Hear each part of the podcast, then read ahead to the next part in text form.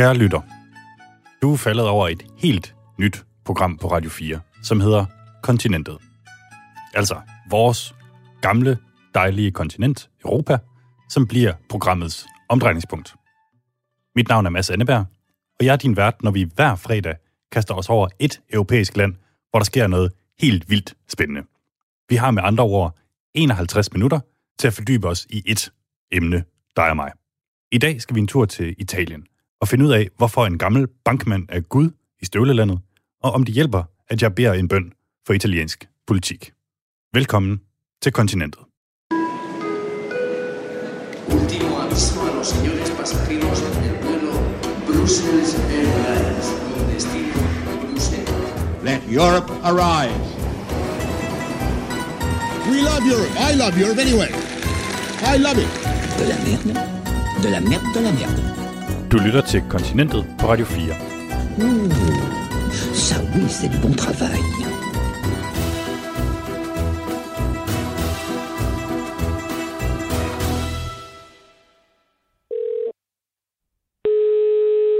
Jeg har fundet et telefonnummer på den italienske premierminister Giuseppe Conte.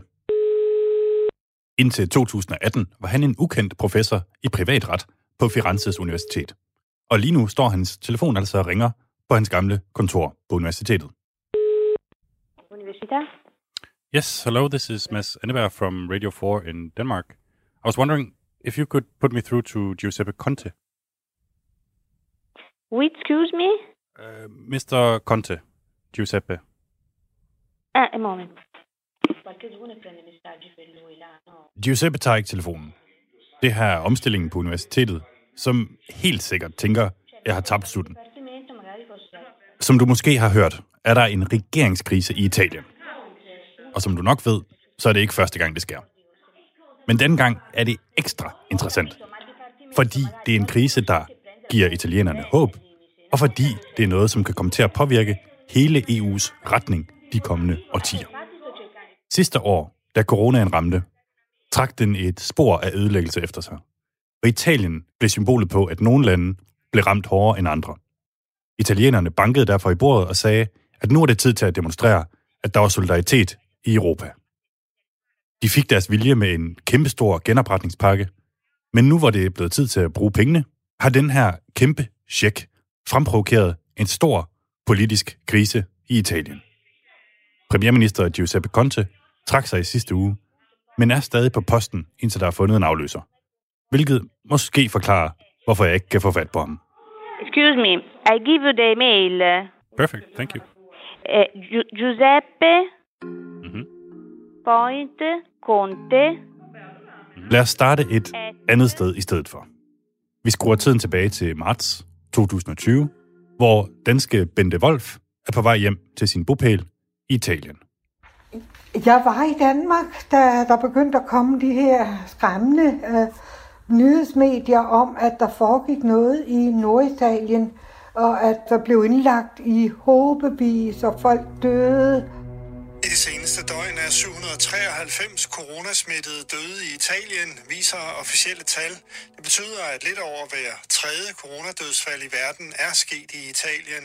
De fleste af Jeg nåede lige at komme tilbage til Assisi, kom hjem til Assisi, to-tre dage før Italien, som det første land i Europa, lukkede fuldstændigt ned for samfundet. Øh, og vi havde fået udgangsforbud, måtte kun gå ud, hvis vi skulle til lægen, eller ud og handle de der nødvendige øh, daglige fornødenheder. Og så skulle vi endda have en, en tilladelse med os, når vi gik ud. Den lagde jo ligesom en tung dyne af sorg og bekymring, af frygt for, hvordan det skulle gå over hele samfundet. Jeg husker, når jeg gik ud der i den første tid under nedlukningen, at jeg oplevede, at folk var meget triste, meget sårmodige og også bange. Mantraet i Italien blev i, på det tidspunkt Tutto andrà bene, insieme ce la faremo, som betyder, at alt vil gå godt, sammen vil vi klare det. Det var sådan en mantra, som folk skrev på skilte og på banner og alle steder, øh, indrammet af en regnbue Og det, det fandt vi alle steder, den her opmuntring, vi skal nok klare det. Sammen klarer vi det. Vi klarer det. Bente husker sammenholdet og sangene fra altanerne.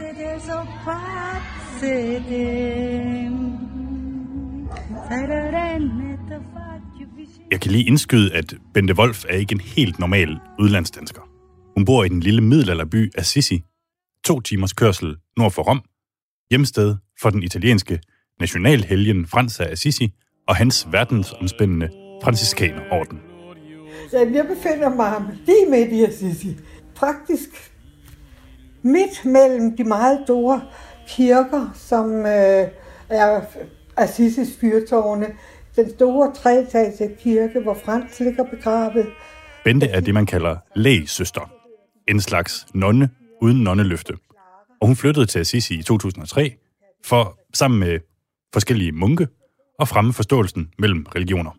For 21 år siden øh, var jeg første gang i Assisi med en gruppe, og vi mødte øh, en franciskanerpræst, Pater Max Mitzi. Hun fortæller, at noget af det mest slående sidste forår var fraværet af de millioner af pilgrimme, der hvert år besøger hendes lille by. Italien var lukket, Europa lukket, verden lukkede jo. Så øh, der var jo helt tomt for pilgrimme i Assisi. Smitten spredte sig, og dødstallene steg, især i Norditalien. I Assisi lukkede byen sig om sig selv, og bag middelaldermurene søgte munkene og nonnerne indad. I Assisi gik vi i gang med et intensivt øh, bønsarbejde. O San Francesco, fratello di Altså bede for alle de mennesker, der blev ramt af corona, og for alle de modige og tapre frontkæmpere, der på sygehusene i Norditalien blev fuldstændig overvældet af patienter. Brødrene på det store moderkloster, hvor Frans ligger begravet i den store kirke, de begyndte hver dag en særlig bøn. Hver middag kl. 12.30 satte de sig ved Frans' grav og bad en særlig bøn for om hjælp til overvindelse af den her store lidelse i menneskeheden. I Danmark stod den på fælles sang, hver for sig. For Bente i Italien var det fælles bøn. Som så mange andre i franciskanerordenen bad hun med, når munkene streamede bønnen direkte fra basilikaen i byen. Åh, Frans, bed Herren Jesus om at række sine hænder ud og helbred de syge, som er ramt af virusen. Frans, hjælp os med at omfavne de vanskelige kulturelle, sociale, økonomiske og politiske problemer i Italien og i verden. Jeg er overrasket over, at bønnen både sender tanker afsted til de coronasyge, og samtidig beder for en løsning af Italiens politiske og økonomiske vanskeligheder. Men det er selvfølgelig præcis de tre elementer, som italienerne kæmper med. Mange klarer sig nogenlunde, og dog så har vi jo altså også en stor gruppe af mennesker, som lever under det, vi nok i Danmark vil kalde fattigdomsgrænsen. Og den gruppe er jo steget under corona. Vi er blevet, altså der er kommet flere i den gruppe. Der Jeg spørger Bente, om den nuværende regeringskrise og spillet om de mange genopretningsmilliarder fylder i samtalerne bag Assisis middelaldermure. Øh, Ja, jeg har ikke hørt øh, øh, nogen af mine venner tale om den. Jeg tror, Men der nej. en, De mange nonner og munke i hendes omgangskreds forsøger at holde sig ude af det finansielle slagsmål i Rom. Øh, corona, jamen, så beder vi direkte til frem. Vi beder til Jesus om hjælp, ikke også? Vi beder for alle de ramte. Jeg tror ikke, sådan, vi ville begynde at bede øh, for en helt bestemt løsning. Vi går ligesom ikke ind i det, øh, men øh, ind i den konflikt, man beder bare for en øh, løsning, den bedst mulige løsning til gavn for hele Italien. Alto e glorioso Jeg tænkte på, om vi skulle prøve at bede den sammen. Åh, Frans. Frans, Hjælp os med at omfavne de vanskelige kulturelle, sociale, økonomiske og politiske problemer i Italien og i verden. Difficili problemi culturali, sociali, economici e politici dell'Italia e del mondo.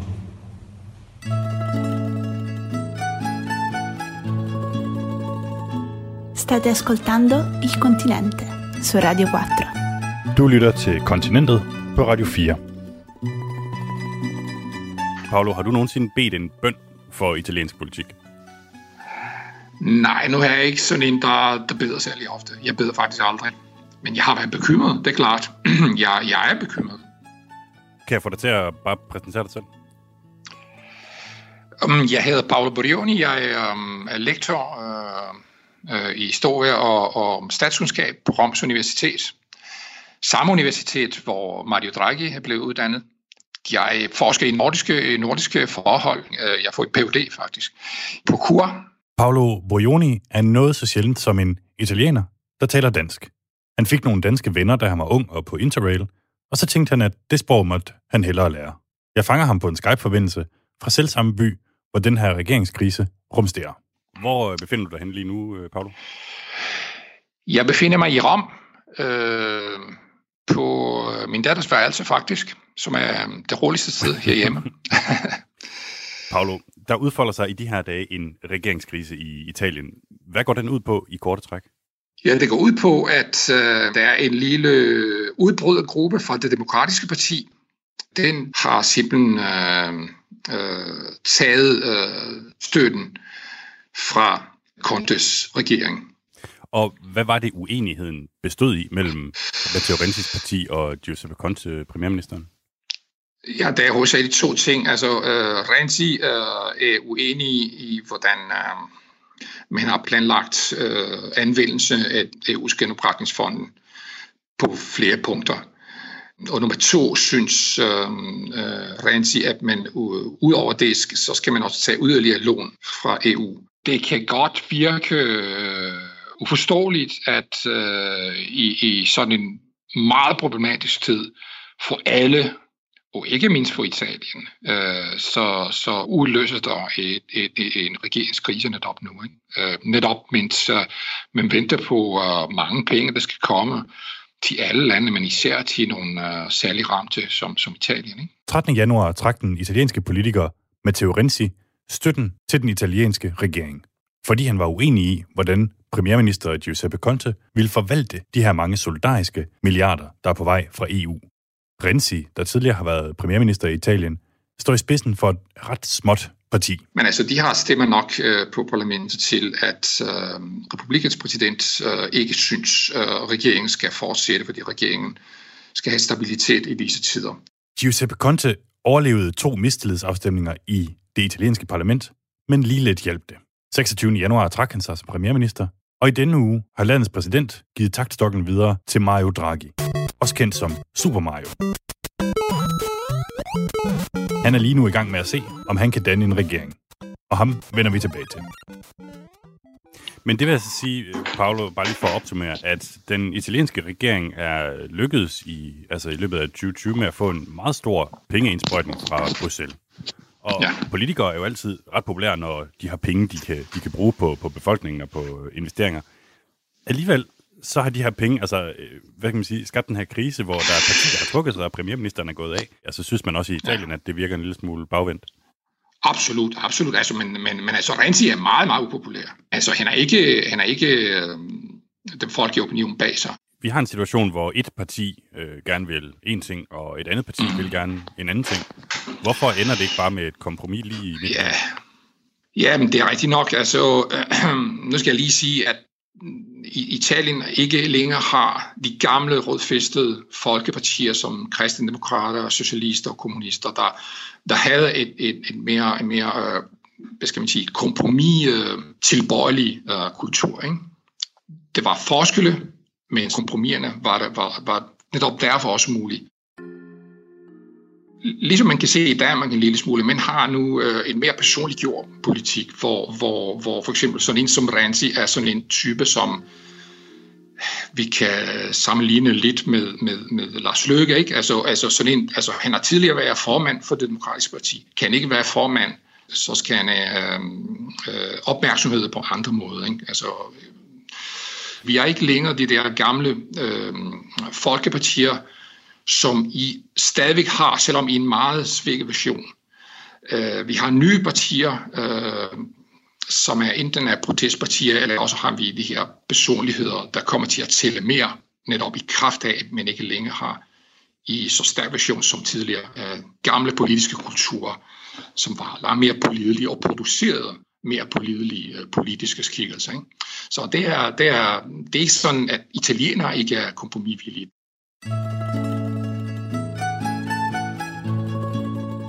Du lytter til Kontinentet på Radio 4, hvor vi i dag går bag om den højaktuelle italienske regeringskrise. Det her er et bondet program, så du kan ikke sende sms'er. Men til gengæld har jeg fået mig, vist nok som det første program her på radioen, en telefonsvarer. Et radiofonisk kommentarspor, hvor du kan komme med input til dagens program, eller idéer til, hvad vi skal tage op en anden gang. Du kan dybest set sige alt, så længe det har et eller andet med Europa at gøre. Og så kan det være, at vi spiller det i næste uges program. Jeg er lidt bange for, at vi ikke får nogen beskeder overhovedet, så hvis du er det mindste i tvivl, så ring, ring, ring. Nummeret er 25 45 64 64. 25 45 64 64. Og jeg kan love, at den første, der lægger en besked, får som minimum en Radio 4-kop. Og nu tror jeg, at det vi alle sammen har brug for, det er en lille begynderguide til italiensk politik. Jeg ringede til en, der har beskæftiget sig med emnet i en rumtid. Mit navn er Gert Sørensen, og jeg arbejder som seniorforsker ved øh, Københavns øh, Universitet, og jeg har haft Italien som emne, italienske samfundsforhold, italiensk kulturhistorie som emne, ja, siden 1970'erne. Hvor mange italienske regeringer har der været i din levetid? Ja, det er jo et godt spørgsmål. Øh, et slag på tasken, der vil jeg sige et par 60 øh, regeringer, og det vil sige jo altså helt fra slutningen af, af 1940'erne, ikke? Og, så, og så frem til den nuværende regeringskrise. Øh, og det er jo altså det er jo en, en regering om året nærmest. Hvad skyldes det? Ja, det er rigtigt, øh, men altså, når vi ser på den første lange øh, periode fra øh, slutningen af 40'erne og så frem til øh, ind i 80'erne. Øh, der havde man nok mange forskellige regeringer, men det var det samme parti, der dannede regeringen, nemlig de kristelige demokrater. Og det gav altså en vis øh, stabilitet nedunder, hvad skal vi sige, øh, de permanente regeringskriser. Øh, Billedet tager sig jo, jo noget anderledes ud, når vi kommer frem til 90'erne og frem. Øh, så får vi jo Berlusconi.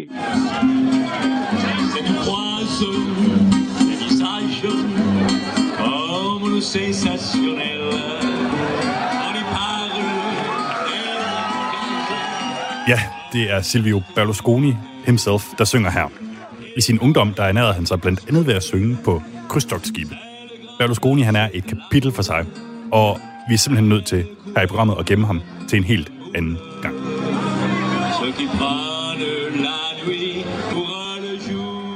Ja, jeg tror øh, godt, jeg tør sige, at italiensk politik, det virker lidt som et univers for sig.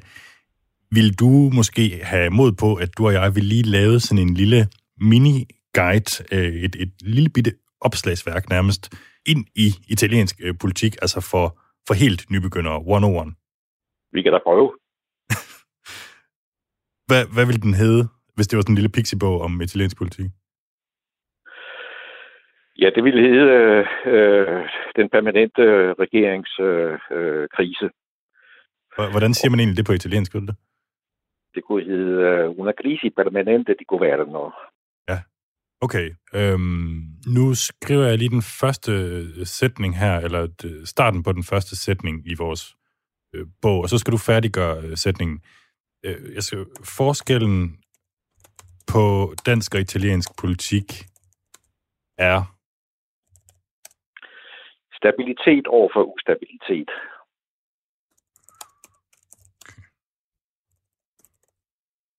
Godt. Gert Sørensen og jeg ender med at nå frem til tre begreber, som danner den allermest basale indføring til italiensk politik. Det første er konfrontation. Italiensk politik for begyndere. 1. Konfrontation. Altså, du har et øh, meget konfrontatorisk øh, politisk øh, system. Du har et politisk system, som hviler meget på de enkelte øh, politiske øh, ledere, for hvem det er vigtigt at øh, synliggøre sig, også i forhold til, til vælgerne. Altså et meget konfrontatorisk demokrati, kan man sige, ikke mens vi i Danmark øh, ønsker at tale om det samtalende demokrati. Et konfrontatorisk demokrati.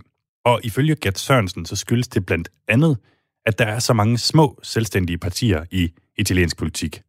Der er et parti for pensionister, der er to partier for italienere bosat i Sydamerika, og så er der selvfølgelig det lille udbryderparti, Italia Viva, med Matteo Renzi i spidsen, som for nylig trak tæppet væk under hele regeringen. Det er jo også noget, der er karakteristisk for den italienske, skal vi sige, parlamentariske tradition, ikke? At man har en masse små partier, som øh, så skal til for at danne et eller andet flertal bag en øh, regering, men fordi de så er øh, et, et eget parti, øh, når ja, men så kan de jo så sige, når ja, okay, hvis ikke I vil indfri de ønsker, vi har, så vil vi ikke støtte jer. Ikke? Det vil sige, at man får et politisk system ikke af, af gensidige afpresninger. Øh, og øh, det, det er jo også noget, der heller ikke gør, øh, gør systemet øh, stabilt. Det andet begreb, det er det, som Italien formentlig får nu, nemlig teknokratregering. Due.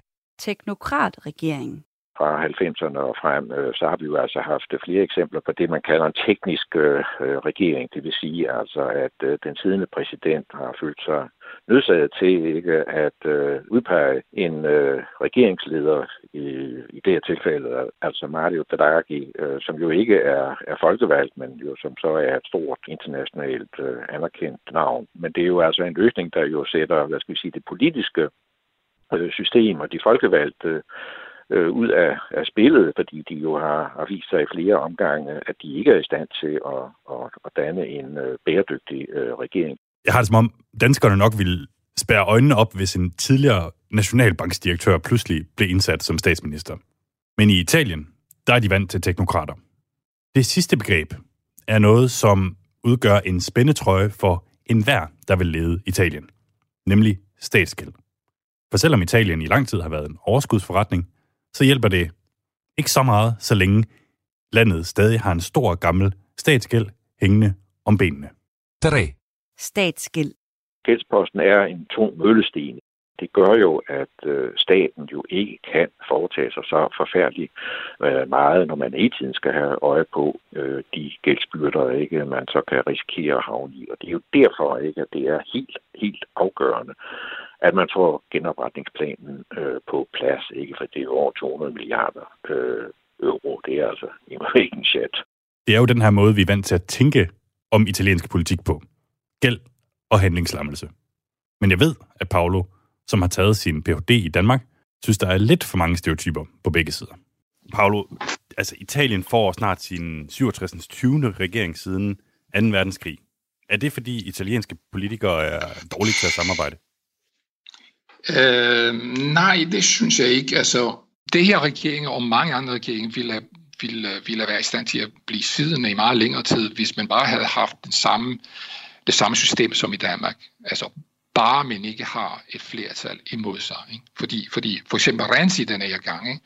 Han, han, er, han, er, han har trukket sig ud af regeringen, men han er stadigvæk øh, regeringsgrundlag for den nuværende regering. Der er så republikens præsident, som på baggrund af grundloven siger, okay, men i disse svære tider kan vi ikke have sådan et øh, mindretalsregering, hvilket vil være fuldstændig normalt i Danmark. Så det, det skal man også føje, øh, føje til, hvis man skal forstå de der underlige italiener, som måske ikke er så underlige alligevel. Ikke? Så du synes måske, nogle gange så kan danskerne godt være lidt for fordomsfulde over for italiensk politik? Jamen, så fordomme er netop, er øh, netop noget, man får, når man ikke, altså forståelig nok vil jeg sige, ikke, ikke kan sætte sig helt ned i detaljerne. Ikke? Øh, fordomme eller klichéer, kan vi kalde det. Fordomme er der måske for meget sagt. Altså italienere har klichéer, danskerne og, eller, eller skandinaver og omvendt. Og det er fordi, de ikke har sat sig ned, altså det er ikke det, er de færreste, der er, der er sådan nogle nørder som mig, ikke? Øh, så der, der skal sætte sig ned i, i, i en andens uh, historie for at forstå, hvorfor det er anderledes. Ikke? Altså, det er for det meste ikke, fordi de er særlig mærkelige. De andre, ikke? være sig skandinaver for italienerne eller, eller omvendt. Ikke? Último aviso a los señores pasajeros del vuelo Brussels Airlines con destino Let Europe arise. We love Europe. I love Europe anyway. I love it. De la merde, de la merde, de la merde.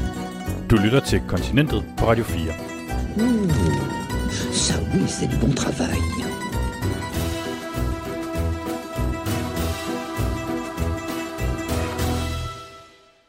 Når italienerne lige nu står med en regeringskrise, så skyldes det, at de er på nippet til at modtage med overførsler og lån til sammen mere end 200 milliarder euro fra EU. At de står til at modtage de penge, skyldes, at Italiens økonomi sidste år skrumpede med 8,8 procent. Og når Italiens økonomi gjorde det, så skyldes det corona. Uh, my name is Marco Castelnuovo. I'm at, in Turin. I'm the um, uh, editor-in-chief of the... Viruset ramte først og hårdest Norditalien. Og det er her, den 42-årige Marco Castelnuovo befinder sig. Han er chefredaktør på Torino-udgaven af Italiens største avis, Corriere della Sera. in uh, a very sunny March and April. So in Italy is something strange. Marco husker marts og april sidste år som solrig, hvilket er usædvanligt i Italien, og derfor fantastisk. Men pludselig begyndte folk bare at dø. people start to die. So it was a, it's like a war.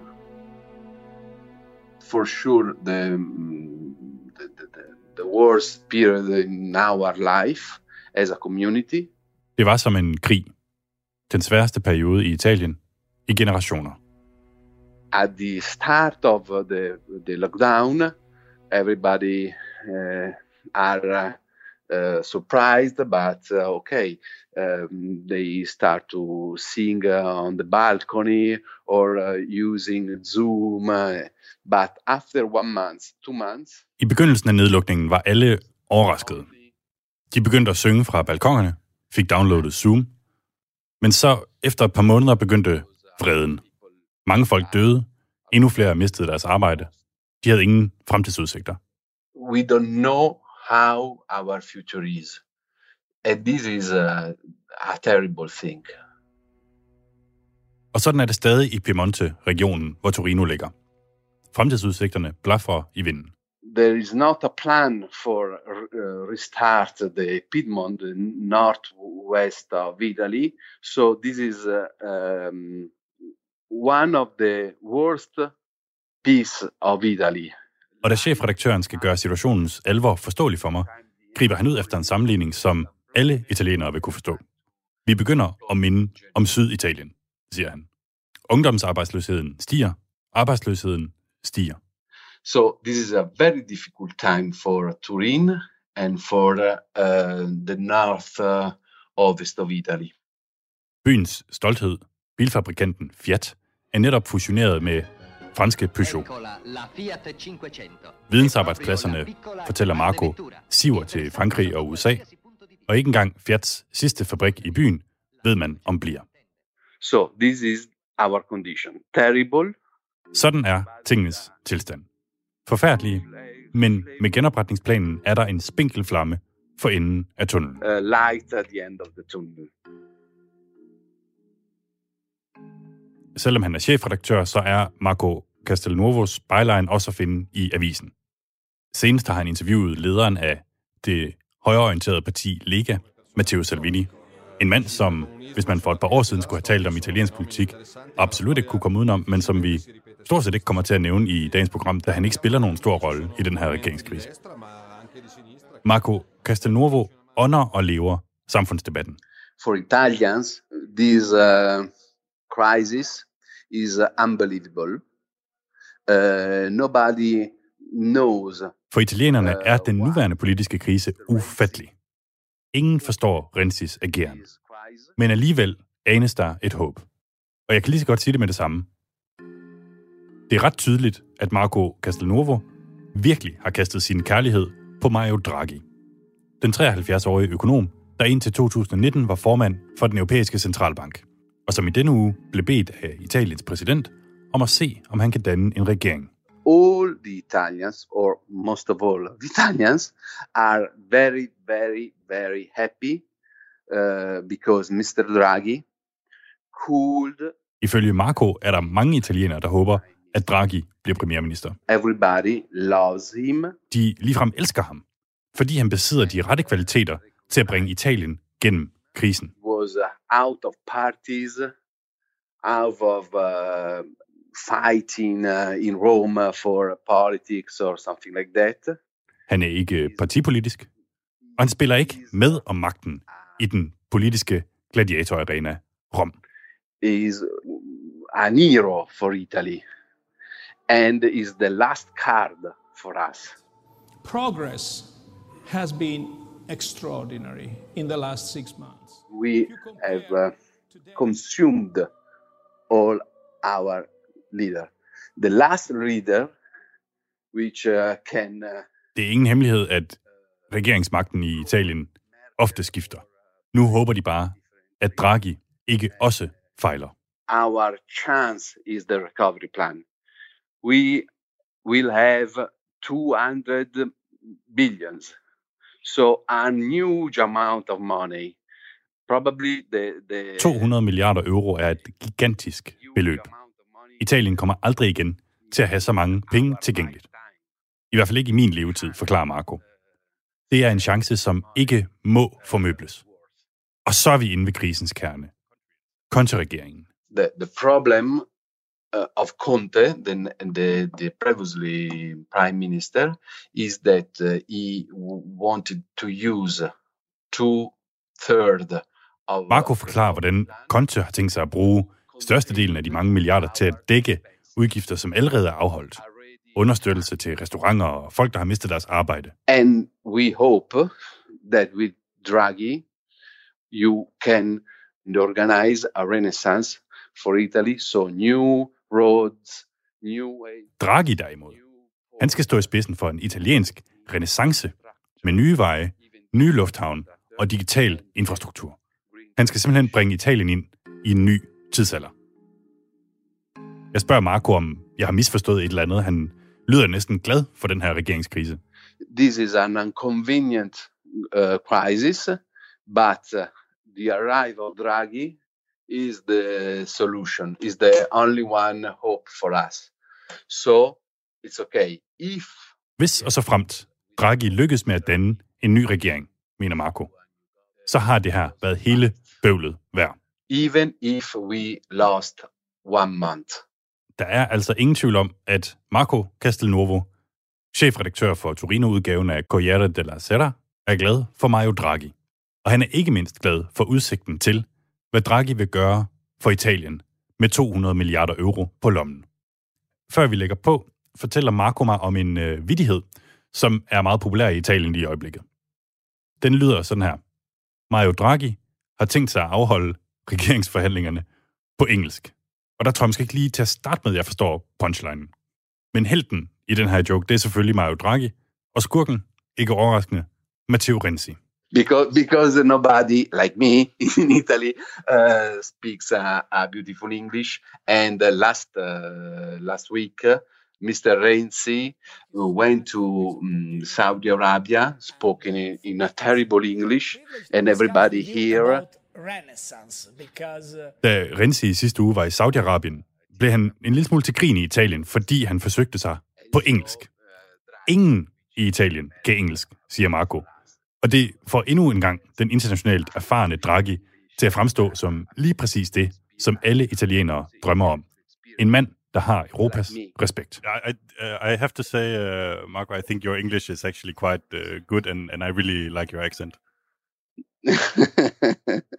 Thank you very much, but it's not true. no, it's it's refreshing. Um, Marco, thank you uh, a million times for uh, for talking to me. Thank you. Thank you very much. Ciao. Ciao. Ciao. Ciao. State ascoltando Il Continente su Radio 4. Du lytter til Kontinentet på Radio 4. Det er faktisk noget, vi er stødt på i vores research til det her program. Italienere, der har det lidt svært med engelsk. Men der kan man jo lade sig inspirere af Paolo Bordioni, den italienske professor i statskundskab, som vi mødte i første halvdel af programmet, som har lært sig dansk, simpelthen bare fordi han fik nogle gode danske venner. Jeg vender lige tilbage til Paolo, for jeg er nysgerrig efter, hvad der ville være sket, hvis Italien ikke havde fået adgang til de her mange genopretningspenge gennem EU. Jamen, det vil, øh, det vil være det vil være en, en situation, hvor man i hvert fald ikke kan se øh, en udvej fra. Ikke? Italien har øh, i, i øjeblikket ikke øh, penge nok til at investere sig ud af, øh, af krisen. Hvad er det bedste, der kan ske med, med, med de her penge i hånden? Jeg, jeg, jeg, jeg tror, det Italien har brug for er netop øh, en, en mere nordisk strategi i den forstand, at, at, at, at øh, forsigtigt voksende lønninger og en stærk velfærdsstat skal overtale arbejdsgiverne til at investere i innovation i stedet for, i stedet for i lave lønninger. Paolo mener også, at Italien skal investere i fremtiden. Sørge for, at det er et nyt Italien, der kommer ud på den anden side af krisen. Og her har han Danmark som et forbillede. Et dagpengesystem, så man, øh, så man ikke tager det øh, alt for tragisk, hvis man bliver um, fyret, når det bliver nødvendigt, og alligevel øh, skabe et arbejdsmarked, øh, hvor der er meget innovation, så investere langsigtet. Han mener, at Italien alt for længe har fokuseret på at være konkurrencedygtig gennem lave lønninger. Men det bør være slut nu. De lønninger, der bliver betalt, er lave. Ikke? Så kan vi sælge vores tjenester og produkter til for eksempel til den, den, til den tyske bilindustri så billigt som muligt. Uh, nej, man skal, man skal den anden vej, og det skal, og det skal en stor offentlig strategi uh, omfattende disse, disse nye og genopretningsressourcer finansiere. Genopretningspengene skal få den italienske storhedstid tilbage, mener Paolo. Alternativet er i hvert fald ikke opløftende.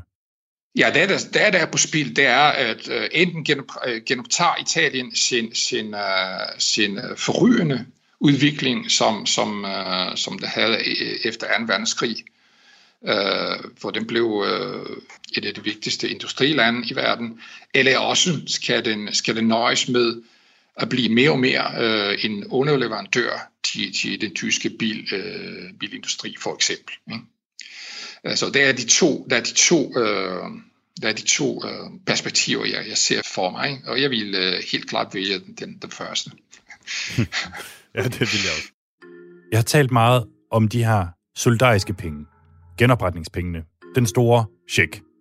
Men hvordan var det nu lige, at vi i EU kom i tanker om, at vi skulle give hinanden en hel masse penge?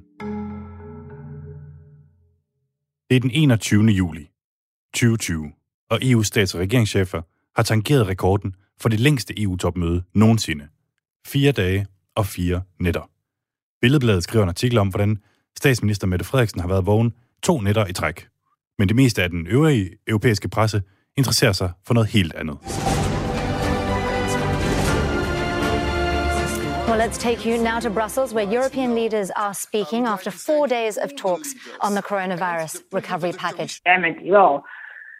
Helt uforudsigeligt. Der var ingen, der forudsagde, at det, det ville ske. Det her er Lykke Friis, formand for Tænketanken Europa.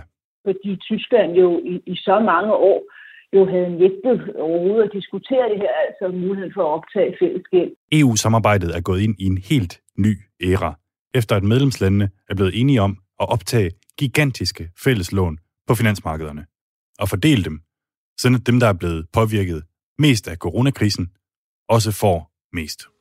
Det er blevet sammenlignet med Marshallhjælpen efter 2. verdenskrig, og det er intet mindre end historisk. Eine Antwort auf die größte Krise seit Bestehen der Europäischen Union gegeben. Un sommet dont les conclusions sont véritablement historiques. C'est renouvelé pour 30 ans nos vœux de mariage sur le plan européen. Charles Michel, formanden for det europæiske råd, siger, at Europa med den her beslutning har fornyet sine ægteskabsløfter for de næste 30 år.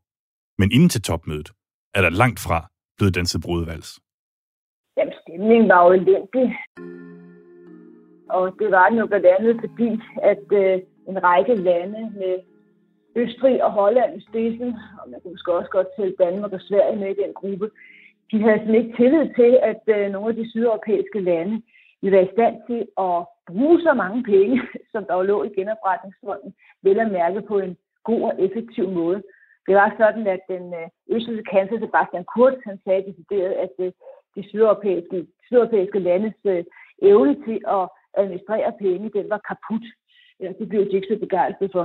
Staaten, die schlicht und ergreifend in ihren Systemen kaputt sind oder zumindest große Probleme. Nu sidder vi så her mere end et halvt år efter og, og, og kigger på et Italien, hvor de i hvert fald i første omgang ikke lige kan blive enige om, hvordan de skal, skal bruge pengene.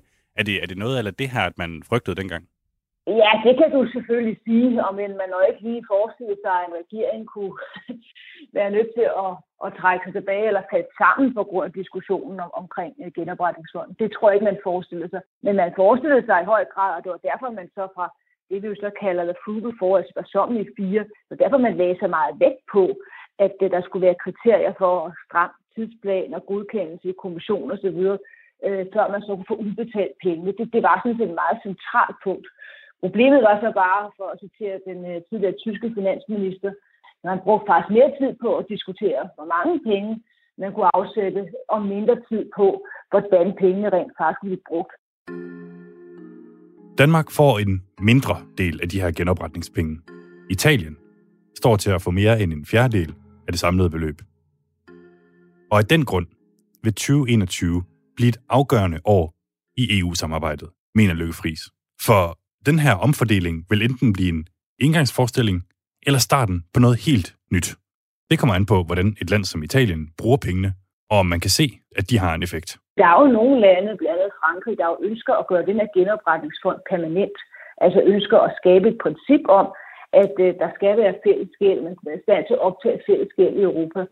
Og, og den diskussion vil jo være meget vanskelig at løfte, hvis det altså viser sig, at, øh, at landene har svært ved at, at rulle de her penge ud nationalt. Så vil nogle lande jo så, jeg siger endnu en gang, som uh, Sebastian Kurz, at de er kaput, de her lande, og der kan I bare se, at man kan ikke hælde flere penge i et sort hul.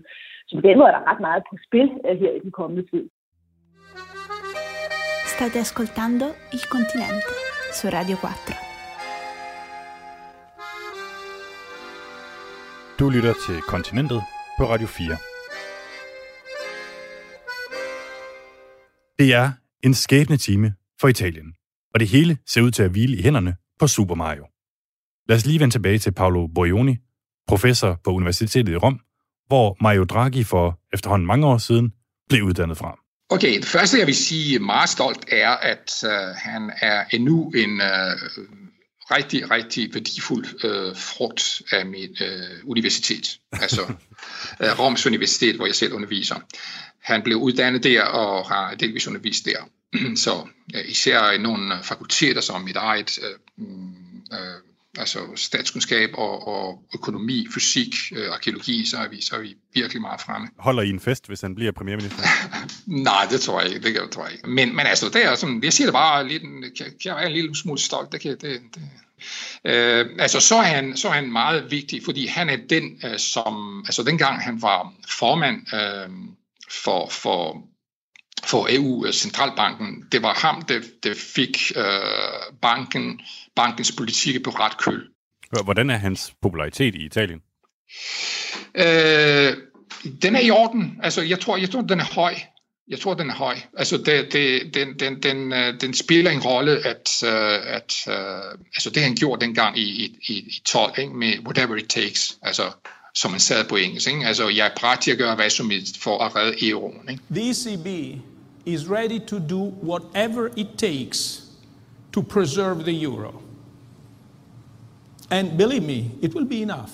Og så den tillid, øh, altså den, den, den, den meget, meget positive renommé, han har i Europa og i hele verden, som en af, de, en af verdens vigtigste, øh, bedste økonomer, det, det, øh, det giver tillid til, til, til italienerne. Ikke? Altså, det er helt klart sådan der. Det er ikke så godt så, at det ikke skal være, som vi har sagt tidligere, det er ikke så godt, at det skal være teknokrater, der skal løse landets problemer. Men, men hvis, det skal, hvis det alligevel skulle være en teknokrat, så er det nok godt nok, det er ham. Ringrazio il Presidente della Repubblica per la fiducia che mi ha voluto accordare.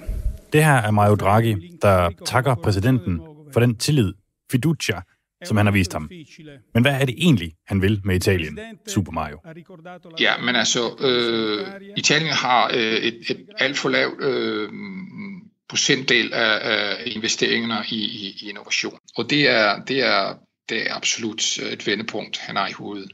Han, han mener, det er, altså det her periode, det er ikke en neskæringsperiode, det er investeringsperiode. Man skal investere langsigtet. Altså skabe en, en, en, en ny øh, positiv cirkel, i stedet for en nogen cirkel.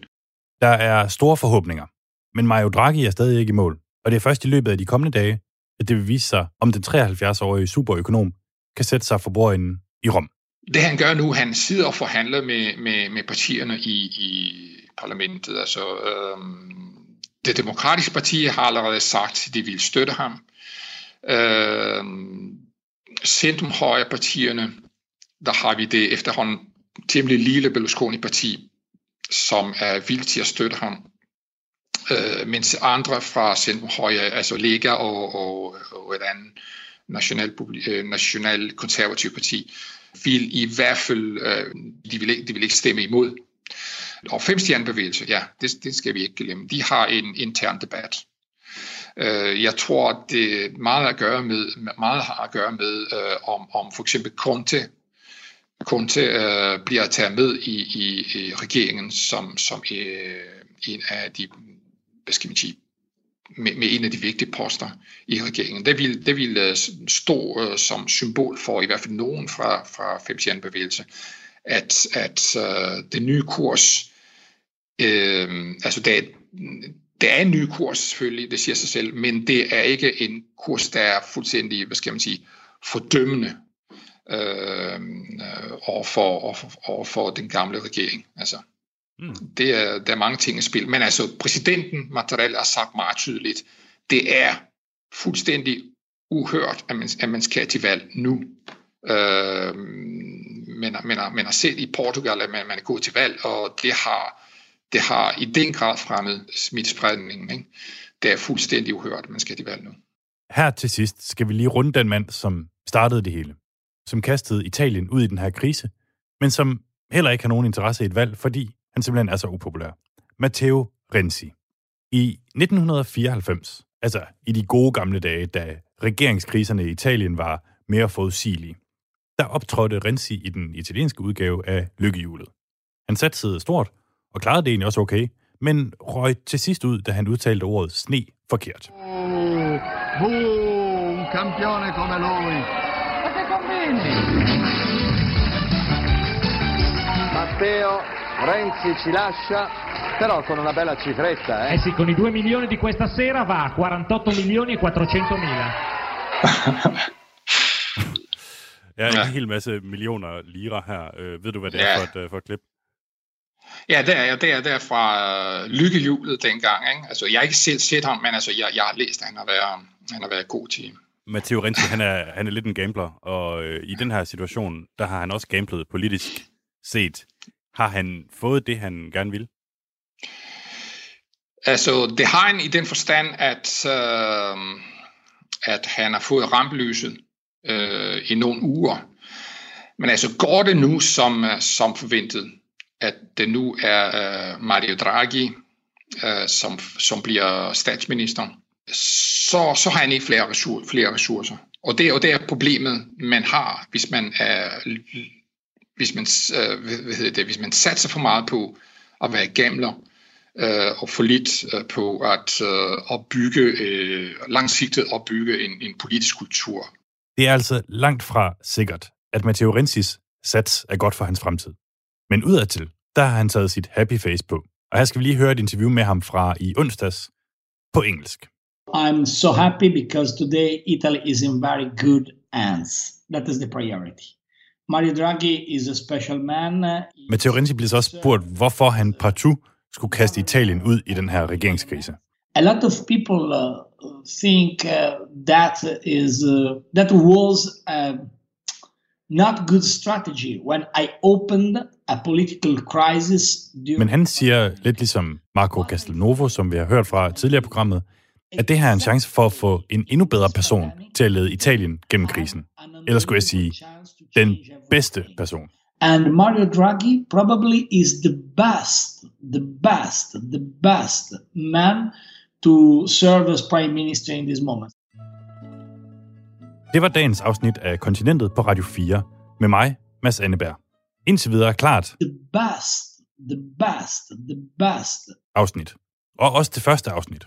Du kan høre med igen hver fredag kl. 10, hvor vi drager mod nye europæiske horisonter. Og husk, at der er mindst en Radio 4-kop på spil til den første, der bruger vores spritnye telefonsvarer. Ring ind på 25 45 64 64 og læg din besked, hvad enten det er en kommentar til dagens program, et europæisk spørgsmål eller dilemma, eller bare et horn, du altid har haft i siden på franskmændene. Mange tak, fordi I har lyttet med.